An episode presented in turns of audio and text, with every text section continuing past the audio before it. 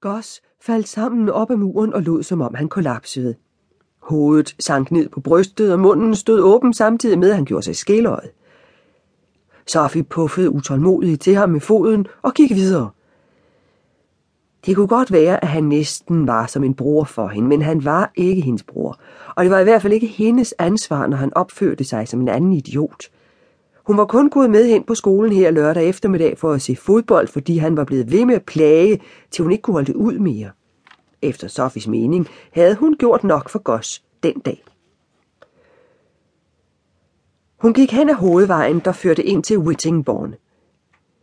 Det var lummert på en uheldsvang og tordenlignende måde, med gråviolette skyer, der dramatisk trak sammen over kirkens gyldne stentårn, som rejste sig bag sportscentrets triste, brune tagkonstruktion.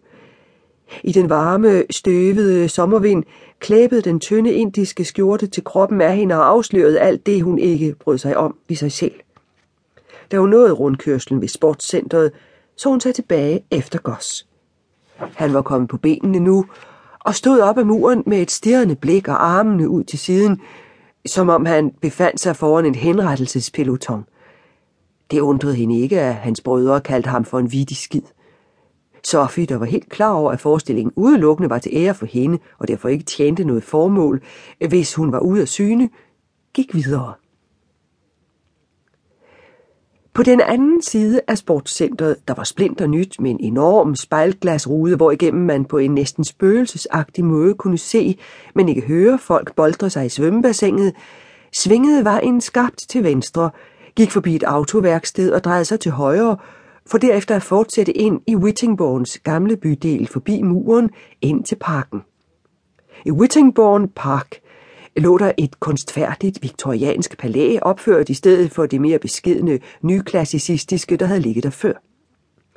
Det var nu et hjem for handicappede unge for to år siden, da Sophie var 14 og optændt af tanken om et liv som frivillig medhjælper, havde hun hver lørdag og en stor del af skoleferien arbejdet i Whittingbourne Park. De unge mennesker, som for størstedelens vedkommende var ældre end Sophie, havde virket som om de var i besiddelse af både gå på mod og beslutsomhed, og en munter frækhed. Når hun mødte dem hos Smith eller på torvet, gik de med henrygte hyl triumferende til angreb på hende i deres kørestole. Lige over for indgangen til Whittingbourne Park lå det hus Sophie boede i. Ifølge Sophies far, Fergus, der vidste noget om den slags, stammede det fra middelalderen med enkelte tilbygninger fra det 17. århundrede. En høj mur skærmede det mod vejen og trafikken foran, og bagtil var der en lille bitte have, som Fergus med fuldt overlæg havde fyldt med middelalderplanter som stokros og gyvel, katost og mynte og sæbeurt. Der stod en træbænk i gotisk stil, inspireret af en tilsvarende bænk i katedralen i Winchester. Der var en løvgang af roser og slyngplanter og en kamilleplæne. Sophie stoppede op over for huset og så på det. Hun besluttede ikke at gå ind. Der var alligevel ingen hjemme, og måske var der stadig en ubehagelig atmosfære efter morgenens skænderi. Hvis hun ventede til forældrene var kommet tilbage, blevet gjort efter frokostselskabet og efterdønningerne af alt, hvad de havde sagt og råbt tidligere, var helt forsvundet, ville hun ikke være så bange for at komme hjem. George, Gottes ældste bror, havde engang fortalt, hvor misundelig han var, fordi de kun var tre mennesker hjemme hos hende. Det ville du slet ikke bryde dig om, havde Sophie sagt. Det vil du altså ikke. Alting bliver endevendt, simpelthen alt. Der er aldrig noget, man bare kan gå let hen over, ikke engang, hvor skærerne skal have deres plads. Man kunne høre den dumpe lyd af fødder på fortorvet og vilde hyl. Du må ikke gå fra mig, råbte Goss. Du må ikke, vent dog på mig, vent!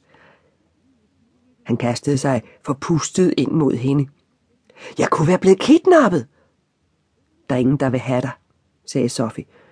Måske en eller anden pervers fyr. Skal du hjem? Nej, sagde Sofie. Hun skubbede gos fra sig. Væk med dig, du er helt våd af sved. Goss så over på de øverste vinduer i Sofis hus, som lige tittede op over den beskyttende mur og sagde, Hvorfor hedder det egentlig High Place, når det nu ikke er særlig højt? Far mener, det er billedligt ment.